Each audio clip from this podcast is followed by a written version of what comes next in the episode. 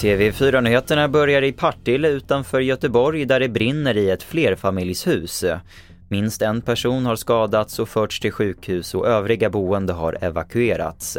Och branden den är fortfarande inte under kontroll.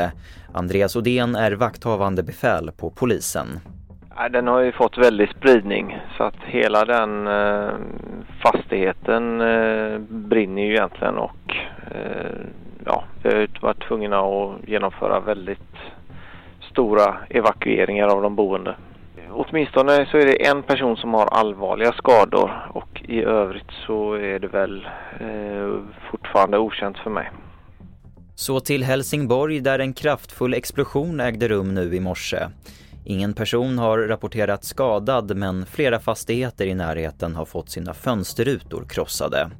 Platsen är avspärrad och polisen har gjort en anmälan om grov allmänfarlig ödeläggelse. Och vi avslutar med att det inte finns något behov av en massvaccinering mot apkoppor. Det konstaterar Världshälsoorganisationen WHO. Apkoppor sprids inte lika lätt som covid och i det pågående utbrottet så har ingen hittills blivit allvarligt sjuk. I vissa länder diskuteras dock vaccination av sjukvårdspersonal och andra som varit i närkontakt med smittade.